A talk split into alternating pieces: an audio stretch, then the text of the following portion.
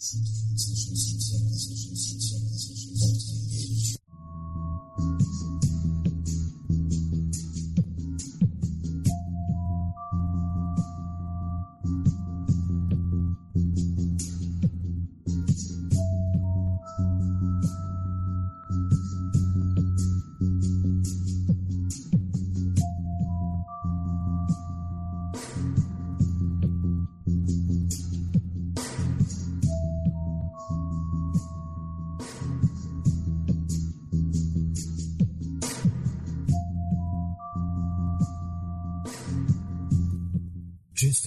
osobami leniwymi? Jeżeli tak, to posłuchajcie, co mam wam do powiedzenia, jakie mogą być sposoby motywujące, aby pozbyć się lenia. Jak go zmotywować, by ruszył się z miejsca? Są już niestety, albo istety, gadżety, które sprawiają, że leniwym zaczyna się chcieć, a ich wysiłek nabiera sensu. Rozleniwienie może szkodzić zdrowiu. Ból głowy, ospałość, zmęczenie, brak energii pojawiają się, gdy spimy zbyt długo albo cały dzień leżymy na plaży. Powodem jest spowolnienie pracy wszystkich narządów. Naukowcy z Uniwersytetu Kopenhadzkiego unieruchomili ochotnikom jedną nogę na dwa tygodnie. To wystarczyło, by siła mięśniowa u młodych zmniejszyła się o jedną trzecią, co odpowiada starzeniu się o 140 lat. U dorosłych było to 25%. Prokrastynacja, czyli patologiczna tendencja do nieustannego przekładania pewnych czynności na później, jest w pewnej mierze dziedziczna. Powtórzę jeszcze raz, jest to nauka prokrastynacja. Naukowcy z Uniwersytetu w Boulder w Colorado wyliczyli, że za taką skłonność w 46% odpowiadają geny, resztę stanowią inne składniki, inne czynniki, takie jak na przykład wychowanie. Psycholodzy też tłumaczą, że osoby, które trenują i uczą się systematycznie, charakteryzują silne normy obowiązkowości. Są to zachowania wyuczone, ale wcale nie powszechne. Większość ludzi szuka wymówek, by usprawiedliwić swoje lenistwo, czego dowodem jest na przykład zwlekanie z pitem do ostatniej chwili. Podobno jednak każdy wynalazek to sprawka leniwy. Tym, którzy chcieliby coś zmienić w swoim życiu, podsunę parę pomysłów na gadżety motywacyjne. Jednym z takich gadżetów motywacyjnych jest taki gadżet, który się nazywa po Wi-Fi. Jest to kilka, jest to taka, znaczy wystąpiła taka sytuacja po prostu, właściwie to już jest realne, w Meksyku, kiedy to zainstalowano e, routery, które to oferowały przechodniom darmowy internet. Oczywiście, jak we wszystkim, zawsze jest tu jakiś haczyk. Haczykiem to tutaj był taki, że aby uzyskać dostęp do sieci, uzyskiwuje się go poprzez wrzucanie do specjalnego pojemnika psik kup. Tak, dosłownie psik kup. Od wagi odchodu uzależniony jest czas, na jaki w okolicy zostanie włączona sieć. Z kolei na przykład Tajwan, który boryka się z takim samym problemem bądź podobnym, nagradza sprzątających właścicieli czworonogów losami na loterię. Wikle jest to taka jakby winda na pedały, ponieważ chodzenie po schodach jest męczące i czasochłonne, ale korzystne jest również dla zdrowia, postanowiono właśnie wynaleźć taką windę na pedały, nazywa się Wikle i na przykład gdyby połączyć te zalety na przykład z wygodą windy, czyli takie właśnie chodzenie, które jest męczące oraz czasochłonne, które sprawia, że jednak nasze, nasz, nasz organizm odżywia, to po prostu miałoby to jakiś skutek pozytywny. Studenci na przykład z londyńskiego Royal College of Arts zaprojektowali windę na pedały. Wickless, bo taka jest właśnie tego nazwa, wygląda jak rama roweru wszczepiona w ścianę budynku. Wystarczy usiąść na siedzeniu i zacząć pedałować, a maszyna zawiezie nas na odpowiednie piętro. Dzięki przerzutkom, które są zamontowane w tym urządzeniu, użytkownik sam może decydować, jaki wysiłek ma podjąć. Innym takim elementem jest Habit. Jest to urządzenie, które polega po prostu na tym, że biegasz i podlewasz. Niektóre osoby silnie motywują kary niż nagrody, a do działania może skłonić je wyłącznie ryzyko straty albo też poczucie winy. I właśnie dla nich przeznaczona jest doniczka Habit, której rośnie kwiatek osłonięty szklanym kloszem. Jak każdy nowoczesny gadżet, doniczka jest połączona z aplikacją na telefon. Po pierwszym uruchomieniu aplikacji wypełnia się test psychologiczny, która określa typ osobliwości użytkownika. Buntownik sprzeciwia się wszystkim założeniom, i wtedy na przykład kondensator wątpi w ich słuszność, natomiast konformista wykonuje zadanie bez uwag, a obowiązkowy najlepiej radzi sobie z wykonywaniem poleceń. To jeden z takich testów oczywiście. Następnie ustalany jest nasz cel. Dzięki GPS taka owa aplikacja monitoruje miejsce oraz czas, w jaki w nim spędzimy. Oczywiście też krokomierz i kokpit do zarządzania zdrowiem. Występuje w tym oczywiście rozwiązaniu. Habit dowie się więc, czy chodzimy na siłownię i wynagrodzi nam to na przykład odblokowując roślicę dostęp do światła oraz na przykład podlewając je. Gdy zaniedbamy trening, roślina wtedy zacznie usychać. Innym takim motywatorem jest na przykład Gym Pact. Na czym to polega?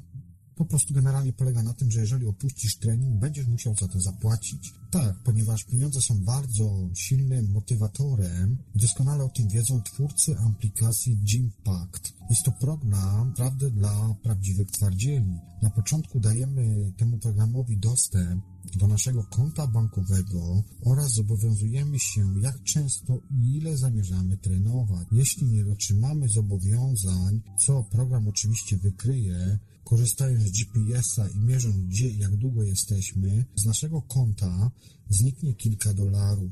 Na szczęście Gympack działa zgodnie z metodą kija i marchewki.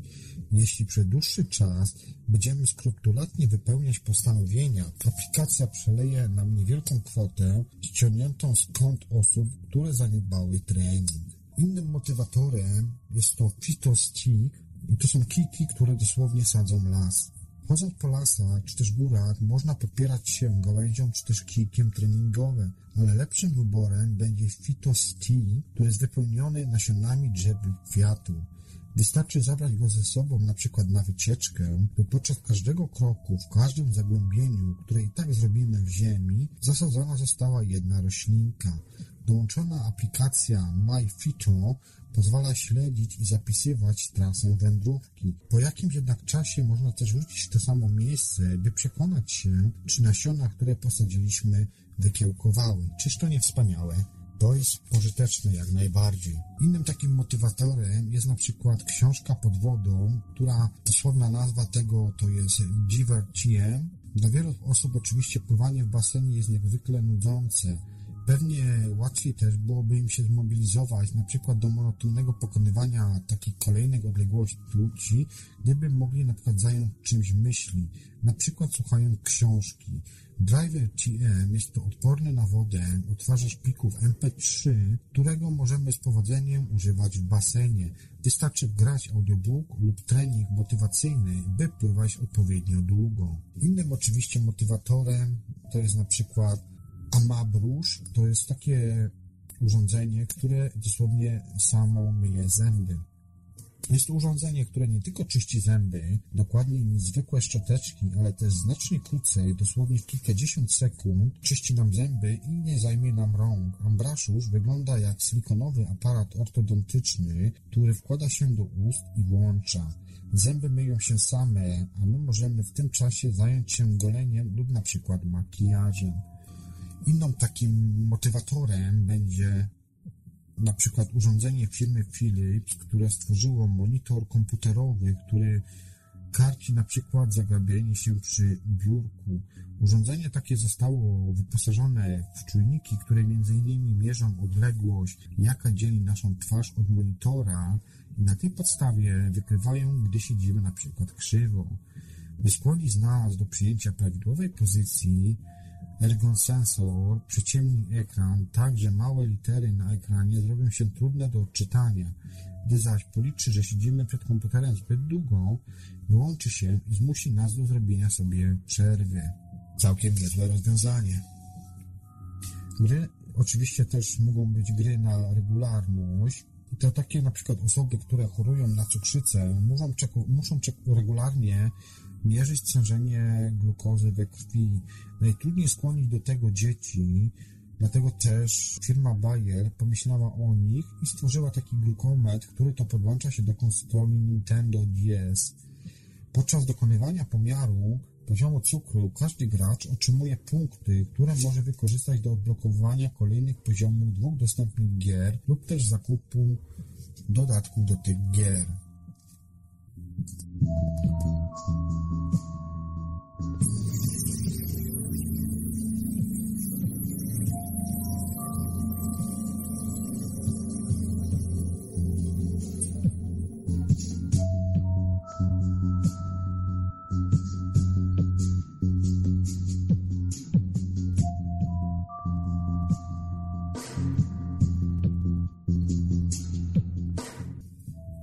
Słyszeliście może o takim obrazie, który został namalowany na gigantycznej łące? Jeśli nie, to posłuchajcie. Gigantyczna dziewczynka czytająca książkę pojawiła się na zboczu góry Rochers the Nine w szwajcarskich Alpach latem tego roku. Autorem dzieła jest francuski artysta Juliame Legros, używający pseudonimu Saipe, który zaczął swoją przygodę ze sztuką od graffiti. Od 2013 roku tworzy także wielkie obrazy na górskich łąkach malowane biodegradowalną farbą, którą sporządza sam. Jego dzieła mają krótki żywot, niszczą je opady oraz rosnąca trawa, wypasane na górskich również łąkach zwierzęta. Zajmuje ona 6000 m2. Wizerunek dziewczynki zatytułowany jest A Story on the Future, który został zamówiony u artysty z okazji 125-lecia otwarcia linii kolejowej, która wspina się z miasteczka Glion koło Montreux na Rochers the Nine. Z okolicy górnej stacji, położonej na wysokości 1970 metrów, rozpościera się wspaniały widok na jezioro Genewskie oraz Alpy.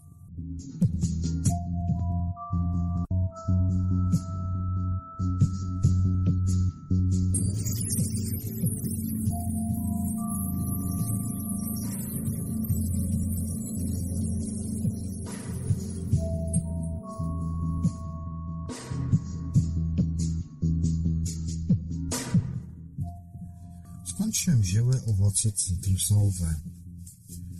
Pochodzące z południowo-wschodniej Azji i uprawiane od ponad 4000 lat cytrusy bardzo łatwo się między sobą krzyżują. Za najbardziej prawdopodobne gatunki rodzicielskie tej grupy owoców uznaje się cytron, pomelu i mandarynkę. Cała reszta jest to wynik wielokrotnego krzyżowania się gatunków, zarówno przypadkowego, jak i przeprowadzonego przez ogrodników i naukowców.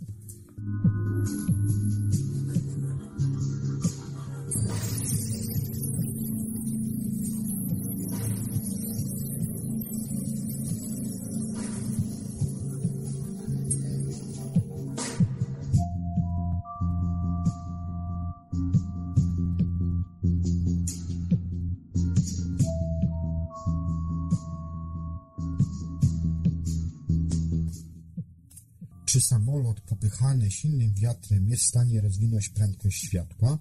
Przyspieszenie ważącego 30 ton samolotu od 0 do 300 km, przy których to oderwie się od Ziemi, wymaga ponad 100 mJ energii. Kolejne 100 mJ przyspieszy samolot w powietrzu o 120 km na godzinę, a następnie o niecałe 30 km na godzinę. Jaki jest wobec tego wniosek? Taki, że osiąganie dużych prędkości wymaga olbrzymich ilości energii, ale jeśli część pracy wykona na przykład za nas wiatr, to co wtedy? Tak, wtedy lecący samolot swoją prędkość wynikającą z ciągu silniku musi odnosić do powietrza, które go otacza.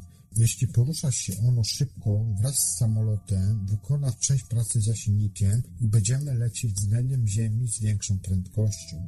Problem w tym, że przy szybkościach bliskich prędkości światła nasze rozumienie fizyki zaczyna nie domagać. Albert Einstein w teorii względności udowodnił, że wówczas czas musi zwalniać, co odczujemy jako zwiększenie naszej masy. Nasz samolot będzie coraz cięższy i będzie wymagał więcej energii, aby lecieć szybciej.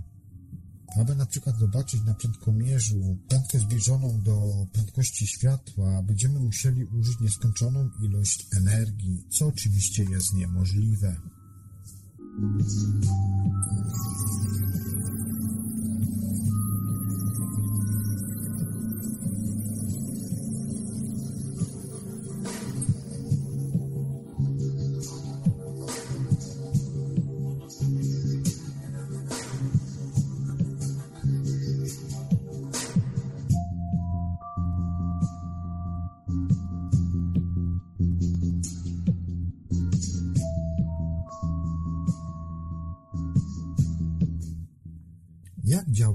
Szwajcarski scyzoryk? Marzenie każdego dużego chłopca to wielofunkcyjny szwajcarski nóż oficerski. Nie tylko pozwoli on przetrwać noc w lesie, ale także pomoże nam w życiu codziennym. Dzięki scyzorykowi firmy Victorianox otworzy na przykład butelkę, zrobić karmik dla ptaków, oczyści świeżo złowioną rybę, a także zadbać o zęby i paznokcie oraz przyszyjesz oderwanej guzi. Szwajcarskiego scyzoryka nie trzeba właściwie nikomu przedstawiać. Narzędzie od lat jest jednym z najbardziej znanych przykładów użyteczności oraz wysokiej jakości, w których to znane są produkty pochodzące z alpejskiego państwa. Szczególnym uznaniem na świecie już od ponad 100 lat cieszy się z firmy Army Knife, to jest szwajcarski nóż oficerski produkowany przez firmę Victorinox. Wielofunkcyjne urządzenie z charakterystyczną czerwoną rękojeścią, ten kolor, który został opatentowany w 1989 roku, przeszło wiele zmian. Jedna z jego odsłon zawierała 87 różnych narzędzi i ponad 140 funkcji. Do produkcji scyzoryków Victorinoxa wykorzystuje się wyłącznie stal nierdzewną, którą cechuje bardzo duża odporność. Aby zapewnić jej odpowiednią twardość, Jest dokładnie hartowana i wyważana.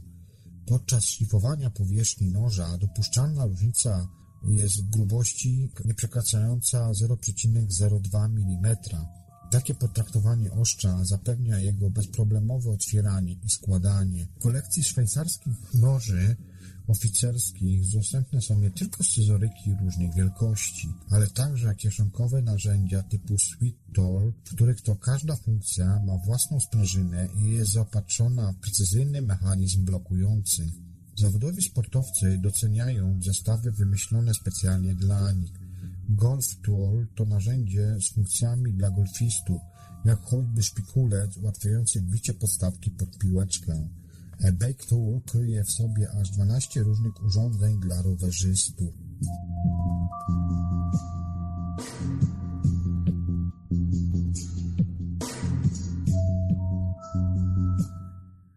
W 1884 roku Karl Elsener otwiera pierwszy rodzinny warsztat produkujący noże. W 1909 roku Elsener oficjalnie nadaje swojej manufakturze nazwę Victoria, na cześć swojej zmarłej matki. W tym też roku rejestruje także pierwsze logo z krzyżykiem. W 1921 roku nazwa firmy zmienia się po raz kolejny.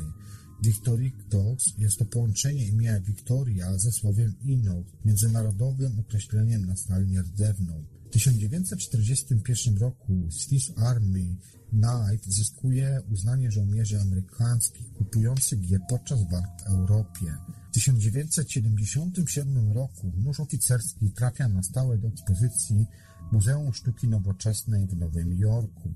W 2008 roku Victorinox otwiera swój pierwszy sklep flagowy w Europie w Londynie przy ulicy New Bond Street. W 2016 roku scyzoryk Tinker został włączony do stałej ekspozycji The Singer Makeup User w Londynie.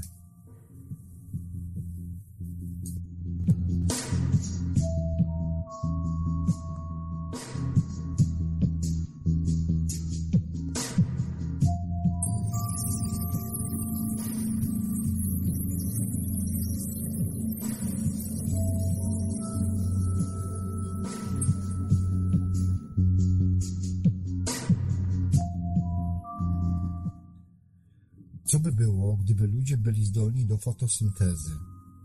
Zdolność do pozyskiwania niezbędnej do życia energii ze światła słonecznego, dwutlenku węgla oraz wody, jak robią to rośliny, brzmi dość kusząco. Zaoszczędzilibyśmy bowiem mnóstwo czasu spędzanego teraz na przykład na zakupach i posiłkach oraz mnóstwo pieniędzy wydawanych na żywność, Jednak jak donoszą naukowcy z Amerykańskiego Towarzystwa Chemicznego, nie byłoby to takie proste.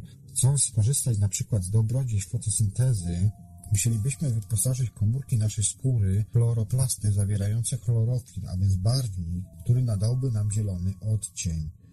To chlorofil zbiera energię świetlną, lecz jak na ludzkie potrzeby robi to zbyt mało efektywnie. Aby pobierać więcej energii słonecznej, przydawałoby nam się liście, na przykład do powierzchni naszej skóry, trzeba było przy, przy, przyczepić takie liście, ale nie wiadomo tak naprawdę, czy to by nam dużo pomogło, ponieważ powierzchnia naszej skóry jest zbyt mała. Do tego kura, żeby móc pochłaniać niezbędny w procesie fotosyntezy dwutlenek węgla w odpowiedniej ilości, musiała być 100 razy bardziej porowata. Jednak nawet jeśli wyglądalibyśmy jak enty na przykład Tolkiena, nie wyżywilibyśmy się samym słońcem. Aby dostarczyć organizmowi niezbędnej energii, musielibyśmy dojadać, ponieważ potrzebujemy do życia znacznie więcej kalorii niż roślina. Człowiek musi dostarczyć swojemu organizmowi około 2000 kalorii dziennie. Wielkiemu drzewu wystarczy ich zaledwie 200. Nie moglibyśmy więc tylko leżeć i fotosyntezować, nie robiąc nic innego, żeby nie tracić energii. To by się po prostu nam nie opłacało.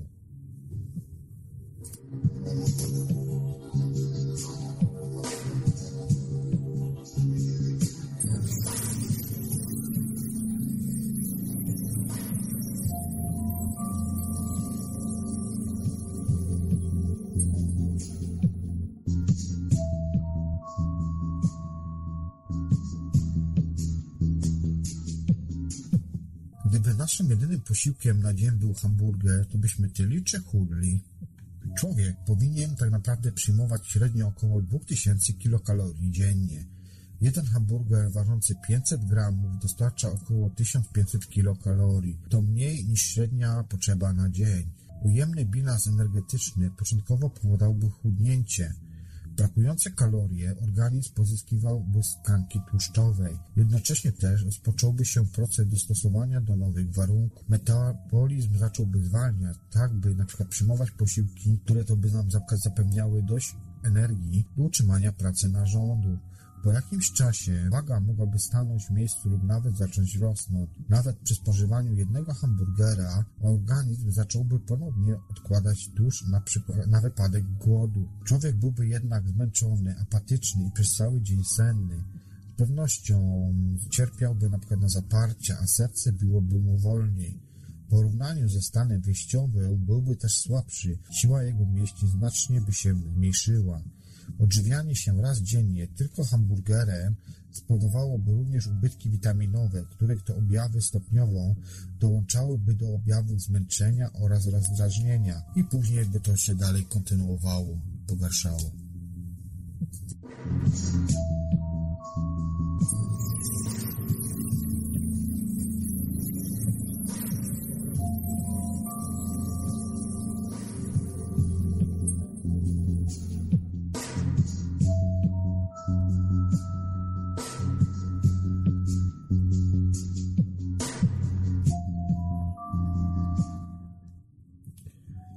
Sprawia, że dorosłe flamingi stają się różowe.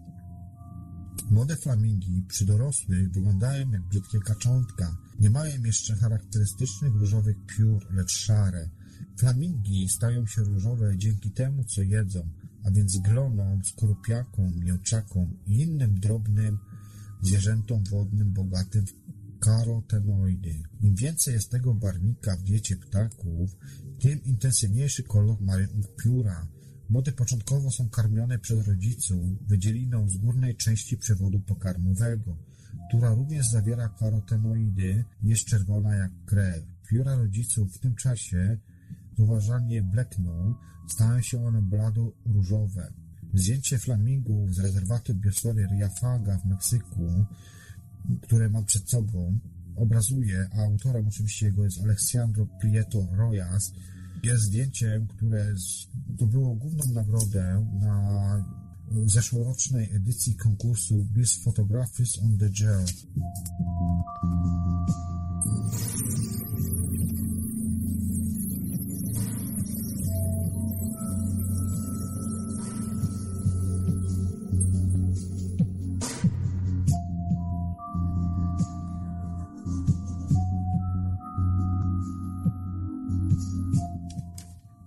Dlaczego woda z kranu jest czasami biała? Niekiedy zaraz po nalaniu wody do szklanki z kranu woda ma zabarwienie białe. Dlaczego woda z kranu jest czasem biała? Niekiedy zaraz po nalaniu do szklanki woda z kranu ma białe zabarwienie. Dlaczego tak się dzieje? Pierwsze podejrzenie pada na chlor, ale to nie jest on powodem zmętnienia wody, tylko rozpuszczone w niej powietrze. W kranówce tworzą się pęcherzyki gazu, które unoszą się ku powierzchni i pękają. Ponieważ są znacznie mniejsze od tych, które znamy np. z wody gazowanej, czy np. z szampana, nie widzimy bąbelków, tylko białą barwę. Po kilku minutach woda staje się całkowicie przezroczysta. Biała kranówka pojawia się więc wtedy, gdy do sieci wodociągowej dostanie się powietrze i wymiesza się z wodą. Może zatem na przykład występować po naprawie instalacji. Jeżeli utrzymuje się przez wiele dni, sygnalizuje nieszczelność. Woda będzie też mętna. Jeżeli na przykład w kranie mamy założony perlator, ponieważ jego działanie opiera się właśnie na napowierzchnianiu wody. Pewnością jednak biała woda, która staje się klarowna po odstawieniu na kilka chwil, nie jest niebezpieczna dla zdrowia.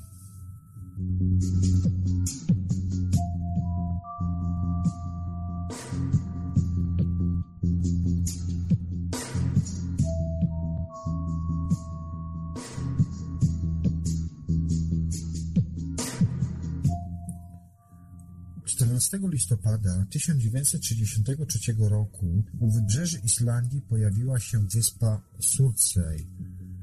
Było jeszcze kompletnie ciemno, gdy kucharz szwedzkiego kutra Sleifur II poczuł smród siarki. Potem statkiem zakołysały fale. Gdy odrobinę się przejaśniło, załoga dostrzegła w pobliżu kolumnę dymu podnoszącą się z nad wody. Wkrótce do dymu dołączył wyrzucany w górę popiół, żurzel i iskry. Dla rybaków stawało się jasne, że są świadkiem erupcji podwodnego wulkanu.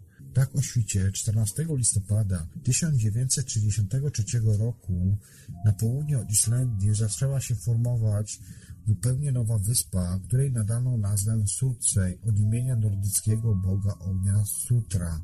Erupcja trwała 3,5 roku i zakończyła się 5 czerwca 1937 roku. Maksymalne rozmiary, jakie osiągnęła wyspa, wynosiły 2,7 km i 174 metra wysokości nad poziom morza. Jednak wskutek erozji Surtsey z każdym rokiem robi się coraz mniejsza. Połowa zatem już jej zniknęła i prawdopodobnie za 100 lat na jej miejscu znowu będzie tylko ocean. Surcel mogła stać się jedną z największych atrakcji turystycznych Islandii, ale nie wolno jej odwiedzać, wstęp bowiem na wyspę mają tylko jedynie naukowcy. Jej pojawienie się dało im unikalną możliwość obserwowania powstającego od zera mikroświata podobnego do samej Islandii, śledzenia jak krok po kroku kolonizują go rośliny i zwierzęta. Jeszcze w czasie erupcji wyspę odwiedzały ptaki i owady, a wiatr i woda przynosiły na nią drobnoustroje i nasiona. Dziś niemal całą jej powierzchnię pokrywają mchy i porosty. W 1998 roku dołączyły do nich pierwsze krzaki wierzby. Ptaki mają na wyspie swoje gniazda lub zatrzymują się tu w drodze z Islandii na południe Europy. Garstka naukowców odwiedzających Surtsey dba o to, by żadne nowe gatunki nie pojawiły się na niej za sprawą człowieka. Jeśli tak się zdarzy, nieproszony gość jest natychmiastowo usuwany. Tak stało się na przykład z ziemniakami posadzonymi dla żartu przez nastolatków z pobliskich wysp oraz pomidorem, który wyrósł na odchodach któregoś z badaczy niefrasobliwie pozostawionych wśród zastygłej lawy. Turyści mogą popatrzeć na surce jedynie z oddali, wykopując rejs statkiem lub też przelot małym samolotem. Od 1965 roku wyspa jest rezerwatem przyrody, a w 2008 roku wpisano ją na listę Światowego Dziedzictwa UNESCO.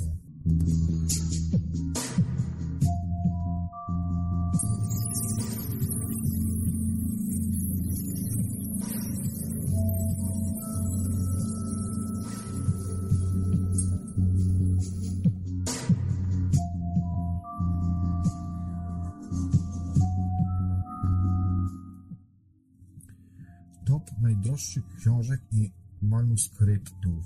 Ile tak naprawdę kosztują najdroższe istniejące książki? Zastanawialiście się pewnie nie raz. Pozwólcie, że ja Wam tutaj troszkę przybliżę wiedzę. Wymienię Wam oczywiście 10 top książek. Na pierwszym miejscu jest to Księga Mormona. Jest to manuskrypt dla drukarzy z 1830 roku i kosztuje ona 35 milionów dolarów. Drugą księgą jest Kodesz Leicera Leonarda da Vinci. Kosztuje ona 30,8 milionów dolarów. Oryginał, jedyny egzemplarz, pochodzi z XVI wieku.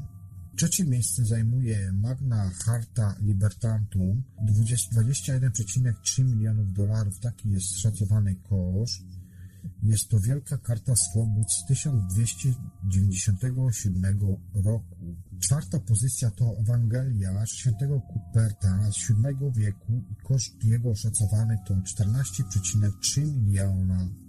Piątą pozycję zajmuje Pay Psalm Book. Jest to pierwsza książka, która została wydrukowana w Ameryce Północnej z 1640 roku i koszt jej szacowany to jest 14,2 miliona dolarów.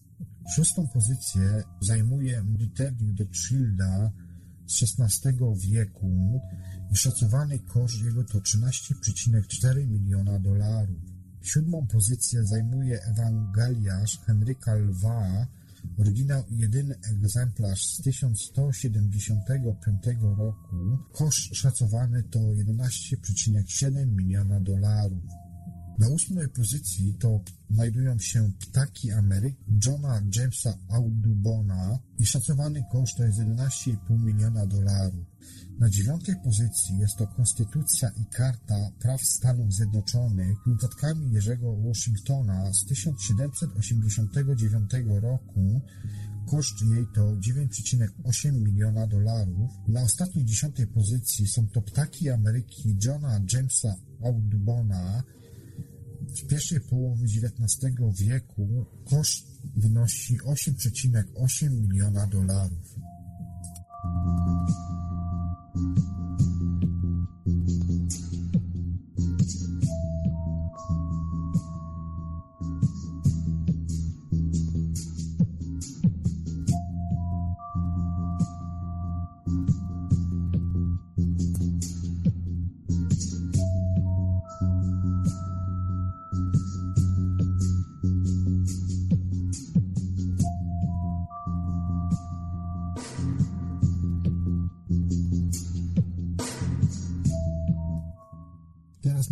Innej beczki trochę inny Nobel.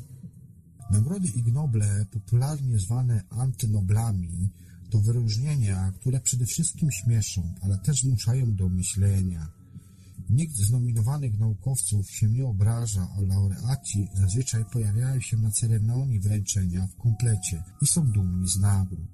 Zapewniają one chwilę medialnej sławy, która to może pomóc w uzyskaniu finansowania na inne, poważniejsze badania. Oto jedne z najciekawszych zeszłorocznych IG Nobel, czyli antynoblów. Przedstawię Wam pięć, bo mam takie tutaj sobie zgromadziłem pięć antynoblów. Pierwszym antynoblem będzie to antynobel z dziedziny położnictwa, tak zwana muzykująca wagina. Naukowcy z Hiszpanii potwierdzili, że można stymulować mózg dziecka jeszcze w łonie matki. Bynajmniej nie z pomocą słuchawek założonych na brzuch. Badania USG dowiodły, że płód reaguje na emitowany w ten właśnie sposób dźwięk głośności kosiarki. Jak więc dotrzeć do takiego dziecka? Za pomocą specjalnego urządzenia wkładanego do pochwy Obraz USG wykazał, że płód reagował nawet na cichą muzykę emitowaną przez Baby Pod, jak nazywali swoje urządzenie pomysłowi Hiszpanie. Drugi antynobel z dziedziny fizyki jest to ciecz Scotta. Tak, dosłownie ciecz Scotta. Koty zachowują się zarówno jak ciało stałe, jak i ciecz. Tak wynika z badań Marka Antoine Fardina z Uniwersytetu Diderota w Paryżu. Fardin usiłował policzyć, jak szybko kot zamieni się w ciecz, czyli kiedy dopasuje się do pojemnika. Zazwyczaj trwało to od sekundy do minuty, zależnie oczywiście od okoliczności. Okazuje się, że mistrzami płynięcia są starsze koty. Młode często są zbyt zaoferowane tym, co dzieje się obok, by skoncentrować się na zmianie swojego stanu skupienia. Trzecim antynoblem to był antynobel z dziedziny ekonomii. Trzymanie na rękach metrowego krokodyla sprzyja odstawianiu wyższych zakładów w trakcie gier hazardowych. To stwierdzenie przyniosło E.G. Nobla australijskim badaczom z Centrum Queensland University. Co ciekawe, jest ono prawdziwe jedynie wówczas, gdy przed spotkaniem z krokodylem gracze byli w dobrym humorze. Smutacy obstawiały mniej i wolniej niż grupa kontrolna. Podczas badań oczywiście nikt nie ucierpiał.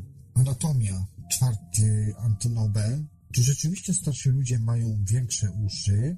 Takie pytanie trafiło doktora Jamesa Hadhota. Wraz z kolegami przebadał on ponad 200 starszych mężczyzn i okazało się, że faktycznie ich uszy powiększyły się przeciętnie o 0,22 mm rocznie. Powiada za to jednak prawdopodobnie nie hormon wzrostu, lecz grawitacja. No, nic dziwnego, przecież też już stwierdzono, że nosy u mężczyzn, szczególnie u mężczyzn, na starość się powiększają. I piąty, ostatni antynobel z dynamiki cieczy. Badania Iwona Hanna pomogą jednemu miłośnikowi kawy. Ten student z Korei sprawdzał, dlaczego rozlewamy pobudzający płyn, gdy chodzimy. Okazuje się, że kawa wpada w rezonans pod wpływem naszych kroków. Jest na to jednak sposób. Han dowiódł, że kawa mnie się rozklapuje, gdy trzymamy kubek od góry lub gdy idziemy tyłem.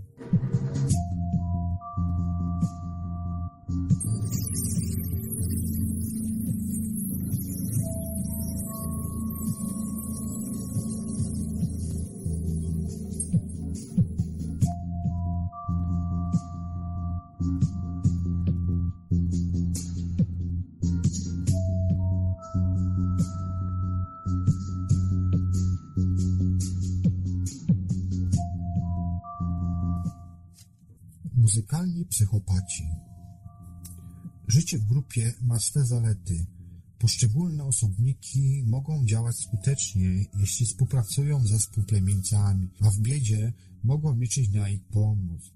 Łatwiej też znajdują stosownego partnera, aby doczekać się potomstwa. Życie społeczne niesie jednak również pewne niebezpieczeństwa, w szczególności groźbę pasożytnictwa aspołecznych jednostek na innego członka grupy. Osobniki takie, do których zaliczają się np. psychopaci, specjalnie tutaj używam określenia psychopaci takiego, żeby to zrozumieć, bo mam na myśli najrozmaitsze gatunki zwierząt, a nie tylko człowieka. Chętnie wykorzystują innych, ale same też nie rewanżują się, kiedy ich byli dobroczyńcy znajdą się w trudnej sytuacji. Konieczność sprawdzenia zdolności i skłonności innych członków grupy do zachowań altruistycznych wymaga sporego intelektualnego wysiłku. Trzeba, jak powiadają, zjeść beczkę soli z sąsiadem, zanim zyska się pewność, że zasługuje on na zaufanie. Zdrada w krytycznym momencie zagrozić może śmiercią, ponieważ inteligencja rozmaitych zwierząt społecznych jest ograniczona. Konieczność przetestowania wszystkich członków grupy na okoliczność ich spolegliwości nakłada w efekcie poważne ograniczenia na dopuszczalną jej wielkość. Wśród szympasów na przykład liczebność klanu może wahać się od 15 do 150 osobników, choć rzadko przekracza kilkadziesiąt w zależności od czynników środowiskowych. Nasz gatunek, jak nam się na ogół wydaje, bardziej umysłowo sprawny od innych małp, w czasach wspólnoty pierwotnej żył w społecznościach liczących na ogół mniej więcej nie kilkaset osobników. Niektórzy psycholodzy ewolucyjni szacują naszą naturalną, plemienną liczebność na jakieś 500 jednostek. W takiej ograniczonej grupie możliwa jest po uważnej obserwacji identyfikacja osób o psychopatycznych cechach charakteru, to znaczy takich, które nie odczuwają empatii w stosunku do innych członków grupy, traktują ich przedmiotowo i są pozbawione poczucia winy i zdolności do skruchy. Jednostki takie są niekiedy skazywane na wygnanie lub usuwane z grupy poprzez usankcjonowane zabójstwo. Psychopatia występuje nie tylko wśród ludzi.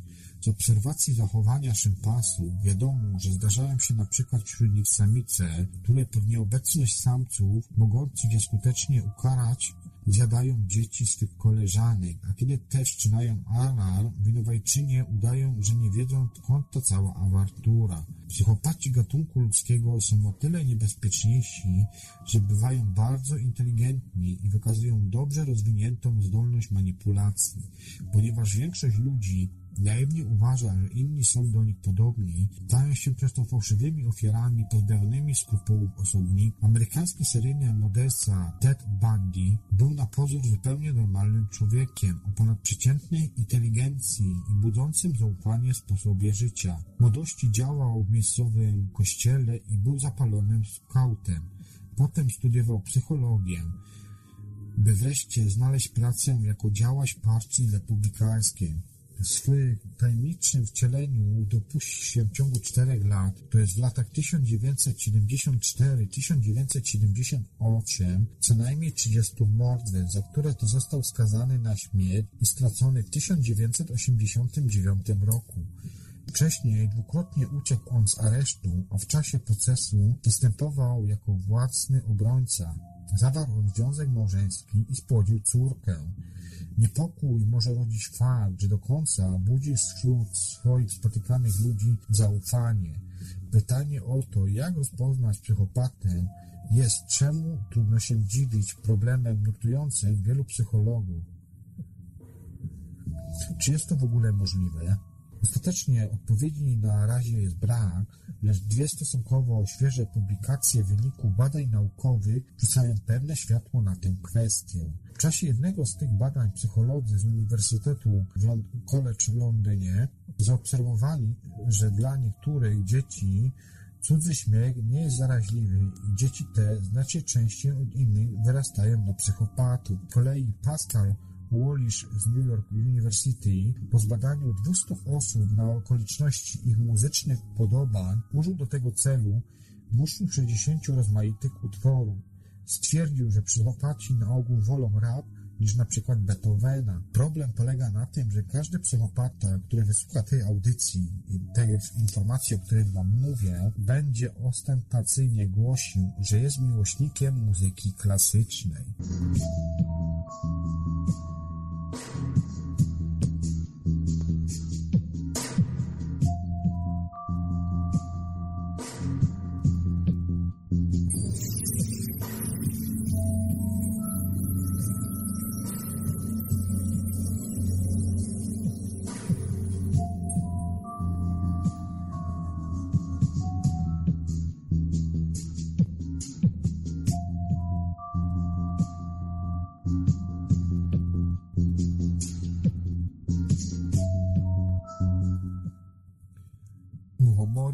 Bębny i duchy. Szamanizm korzeniami sięga pierwszych społeczności, które te charakteryzowały się bystrością umysłu, wiedzą, empatią i charyzmą osoby. Były one specjalistami od kontaktów z duchami, leczenia i rozwiązywania konfliktów. Nie wiemy, jakie były początki religii, możemy się tylko tego domyślać i szukać analogii wśród kultur i społeczności pierwotnych. Najwcześniejsze wyobrażenia religijne, po jakich zachowały się pozostałości materialne, pochodzą z środkowego paleolitu, to jest około 300 tysięcy lat temu i są to intencjonalne pochówki, dary grobowe, ślady ceremonii świadczące o wierze w zaświaty. Więcej świadectw kultury duchowej mamy sprzed 40 tysięcy lat. Do naszych czasów przetrwały zaledwie gliniane i kościane figurki, rysunki i malowidła na ścianach jaskiń pokazujące symbole zwierzęta i postacie ludzkie.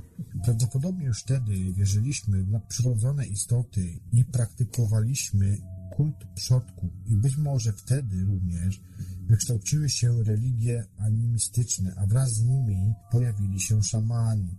To są osoby mające kontakt z potężnymi siłami lub duchami, będące pośrednikami pomiędzy ludźmi a sferą sakrum.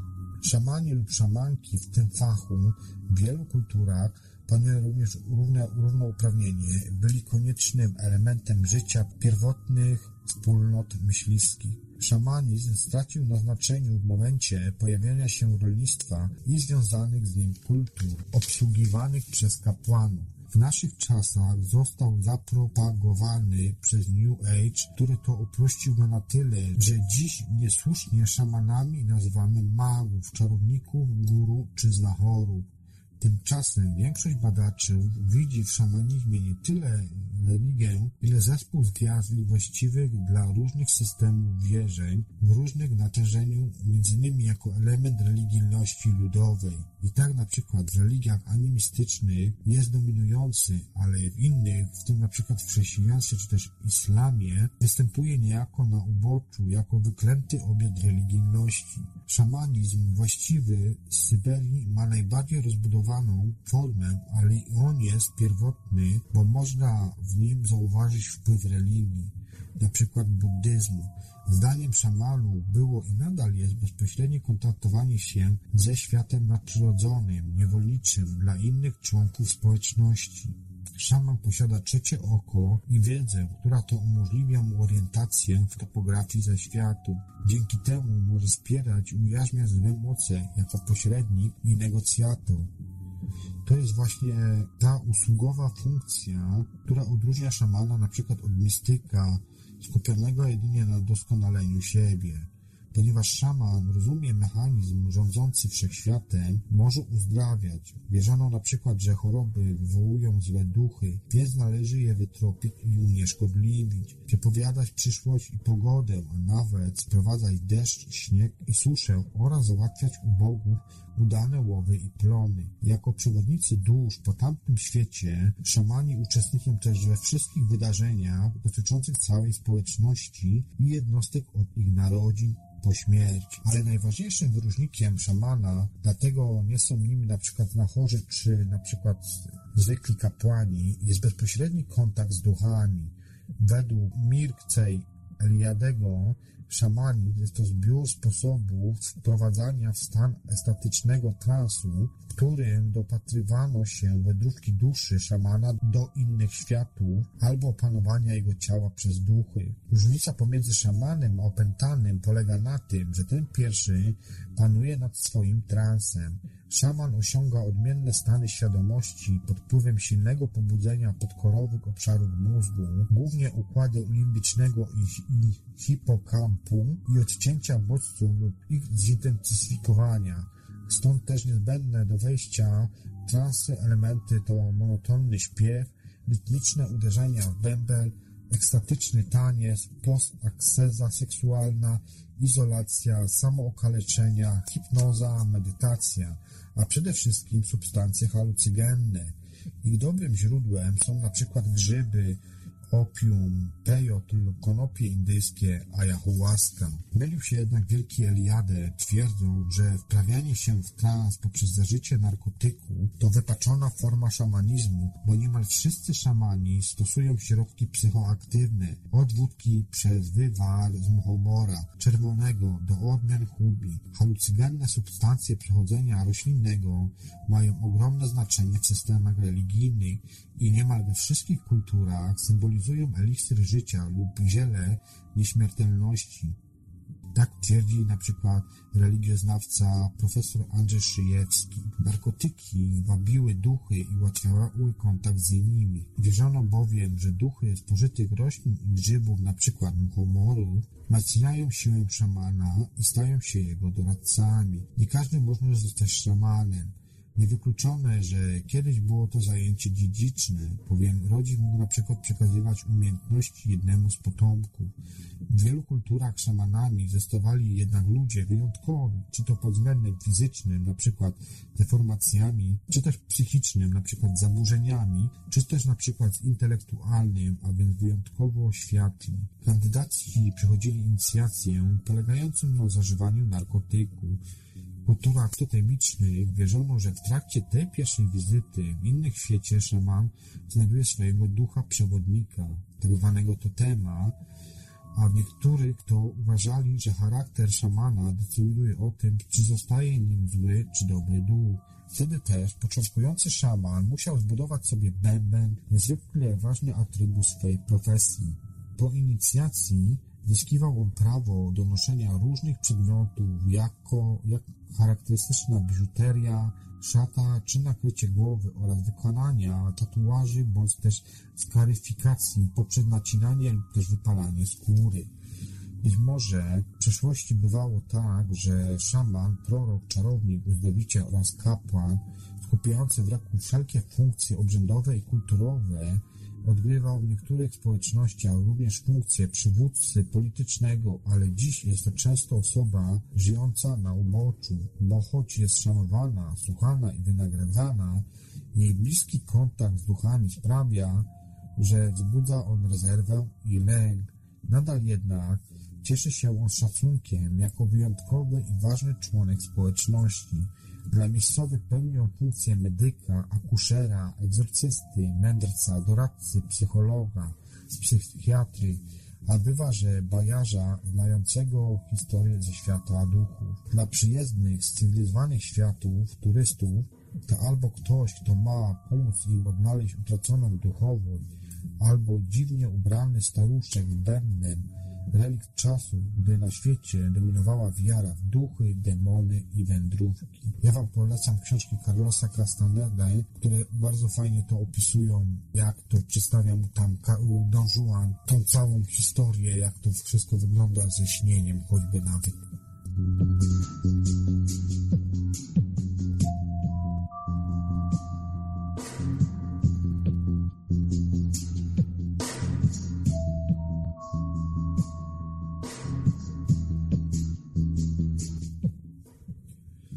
Sapiens pojawił się w Afryce już około 300 tysięcy lat temu. Tak wynika z analizy genomów dawnych mieszkańców Czarnego Lądu. Afryka znana jest od dawna kolebką ludzkości. To stąd nasi wcześni przodkowie wyruszyli w światy, finalnie kolonizując wszystkie kontynenty poza Antarktydą. Afryka jest tym kontynentem, na którym nasi poprzednicy byli najbardziej zróżnicowani genetycznie. Jednak wskazanie przybliżonej daty pojawienia się Homo sapiens jako odrębnego gatunku w rodzinie hominidów okazało się bardzo trudne. Analizy DNA współczesnych mieszkańców kontynentu nie przyniosły oczekiwanych rezultatów ze względu na migrację ludów pasterskich, które to odbyły się w ciągu ostatnich tysięcy lat i zatarły wiele wczesnych tropów genetycznych. Wygląda jednak na to, że naukowcom w końcu udało się obejść, tę przeszkodę. Pomógł im tym chłopiec żyjący 2000 lat temu w Afryce Południowej. Jego szczątku odnaleziono w latach 60. XX wieku w Balito Bay w prowincji KwaZulu-Natal, a teraz udało się uzyskać z nich kompletny genom. Autorzy analiz DNA Twierdzą, że rozdzielenie się ludzi współczesnych i archaicznych kuzynów nastąpiło 260 do 350 tysięcy lat temu. Wynikałoby też z tego, że historia Homo sapiens jest dłuższa niż do tej pory sądziliśmy. Kluczowe znaczenie miałoby to, że chłopiec Balito Bay reprezentował społeczności zbieracko-łowieckie, które zamieszkiwały Afrykę Południową przed wielką migracją ludów z północy. Jego DNA można było więc wykorzystać do porównania z DNA współczesnych mieszkańców Czarnego Lądu, a także z DNA wyizolowanych z kości sześciu innych mieszkańców KwaZulu-Natalu, żyjących w okresie od 300 do 2300 lat temu.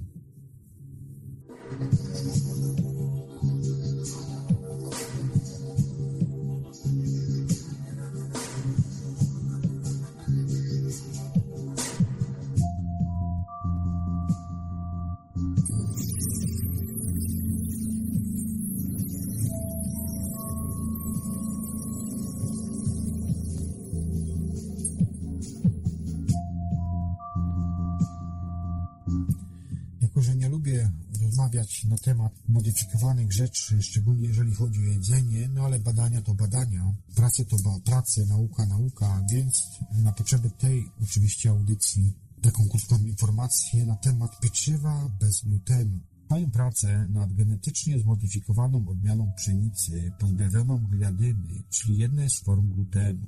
Może być to szansa dla chorych na celiakię na zjedzenie prawdziwego pieczywa. Pomimo straszenia nas glutenem, tak naprawdę unikać go powinni głównie ludzie cierpiący na celiakię, czyli średnio 1 na 100 osób w populacji. Choroba ta należy do grup schorzeń autoimmunologicznych, polegających na tym, że układ odpornościowy atakuje zdrowe tkanki organizmu. W przypadku celiakii do nieprawidłowej reakcji przeciwko komórkom jelit pobudza go gluten, do którego to zalicza się kilka białek pochodzenia zbożowego. To jest takich jak gliadynę w pszenicy, cekalinę w życie i chordeinę w jęczmieniu. Podczas pieczenia formują one długie łańcuchy, które odpowiadają za konsystencję ciasta. Warto pamiętać tutaj, że gluten nie jest w stanie wywołać choroby, tylko ujawnia jej obecność. Naukowcy z hiszpańskiej Kordoby postanowili stworzyć odmianę hiszpańskiej pszenicy przyjaznej dla chorych na celiakię, eliminując geny odpowiedzialne za produkcję glutenu. Nie jest to jednak zadanie trywialne, ponieważ to popularne zboże ma ich aż 45. Żeby pieczywo nie wywołało reakcji u chorych, trzeba podbyć się ich wszystkich. Dzięki technologii CRISPR-Cas naukowcom udało się już wyeliminować 35 z 45 kopii genów. Jednocześnie inna firma pracuje już nad skomercjalizowaniem tych dokonań i wprowadzeniem na rynek produktów bez glutenu, których to wykorzystano modyfikowaną pszenicę.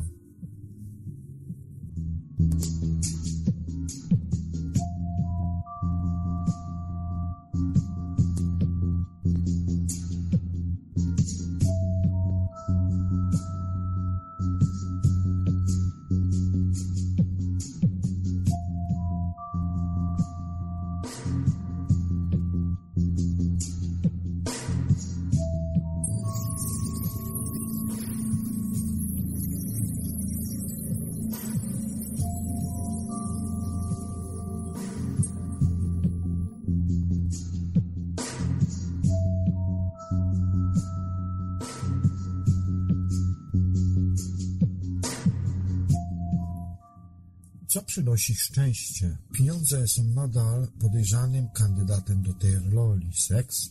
Niektórzy uważają, że istotnie udane życie seksualnie ma pozytywny wpływ na ogólne samopoczucie. Wielu jednak naukowców twierdzi, że najpewniejszym sposobem na zapewnienie sobie szczęścia jest zdrowy sen. Ten odbywa się w łóżku, ale niekoniecznie w towarzystwie innej osoby z którą to walczy się o poduszkę, która chrapie i przewraca się na bok.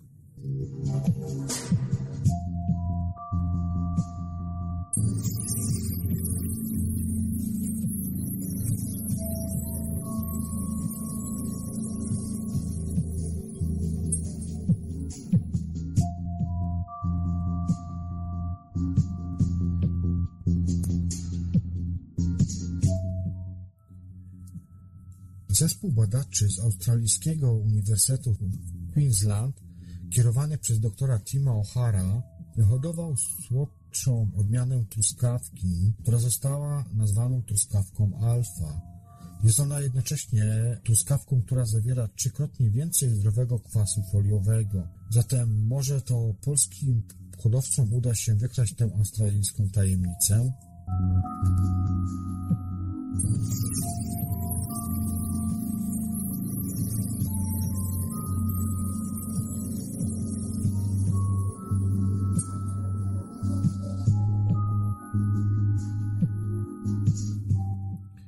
Badaczom z brytyjskiego Uniwersytetu w Surrey udało się opracować nową metodą pozwalającą ustalić, czy badana osoba spożywała kokainę. Wynik otrzymuje się w ciągu 30 sekund na podstawie odcisków palców, bowiem wykrywa się wtedy metaboliki kokainy. Metoda jest skuteczna w 99% przypadków i nawet umycie rąk przed badaniem nie ukryje szkodliwego nawyku.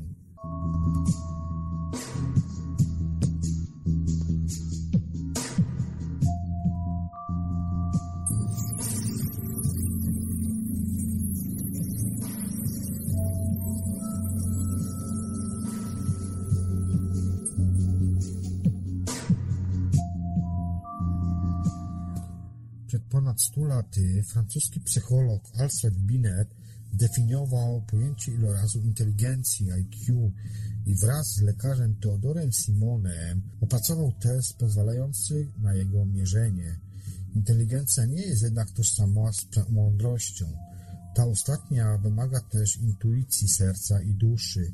I to mądrość, a nie sama inteligencja pozwala nam na podejmowanie słusznych decyzji życiowych. Psycholog Dilip Jeste z Uniwersytetu of California w San Diego, który zajmuje się neurobiologią mądrości, twierdzi, że mądrość także można mierzyć i opracował on stosowny test nazwany SD-WISE. To jest skrót, a jego pełna nazwa to San Diego Wisdom Scale.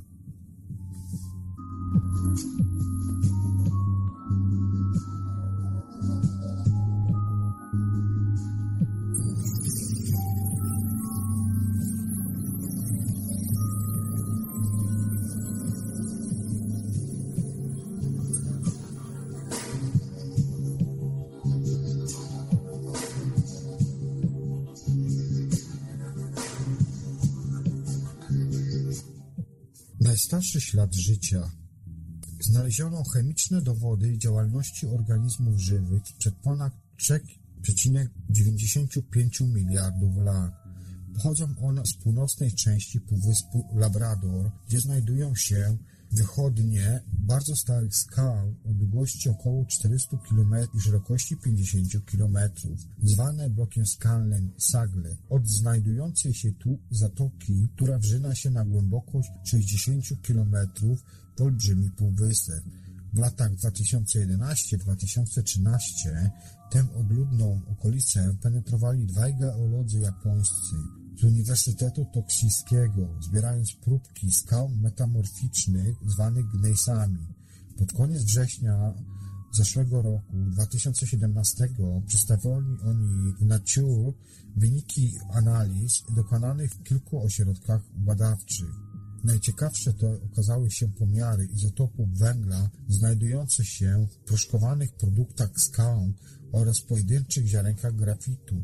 Niektórych próbkach grafitowych stwierdzono relatywnie małą ilość izotopu węgla C13 względem izotopu C12. Ten drugi jest lżejszy, gdyż zawiera jeden neutron mniej w jądrze. Organizmy żywe preferują go jako budulec do produkcji związków organicznych, a zatem skał, w których kiedyś przebywały mikroby, zostają one wzbogacone w taki właśnie lekki izotop. I taka sytuacja dotyczy niektórych części bloku Sagle. W toku analiz wyeliminowano wszystkie inne możliwe wyjaśnienia tej zniekształconej propozycji izotopów węgla. Już wcześniej wiek Saglek badacze ustalili na 3,95 miliarda lat, datując za pomocą metody uranowo-połowiowej kryształy cyrkonu znajdujące się w gnejsach. Ziarenka grafitu zawierają dowody na istnienie życia w tak odległym czasie, są równie stare, a może nawet starsze niż te cyrkony. Tak uważa jeden z naukowców Komija. Wielu badaczy powątpiewa jednak w tę ostatnią tezę. Ich zdaniem grafit jest znacznie młodszy niż gnejsy. Ta okolica ma bardzo długą i skomplikowaną geologię. Łatwo tło błąd w analizach lub też interpretacji danych. Ten grafit również dobrze może mieć 2,7 miliarda lat. Mówi drugi z tych właśnie naukowców, Minik Rosing, geolog ze Statens Geolog, który badał podobne skały znajdujące się po drugiej stronie Morza Labradorskiego w południowej Grenlandii.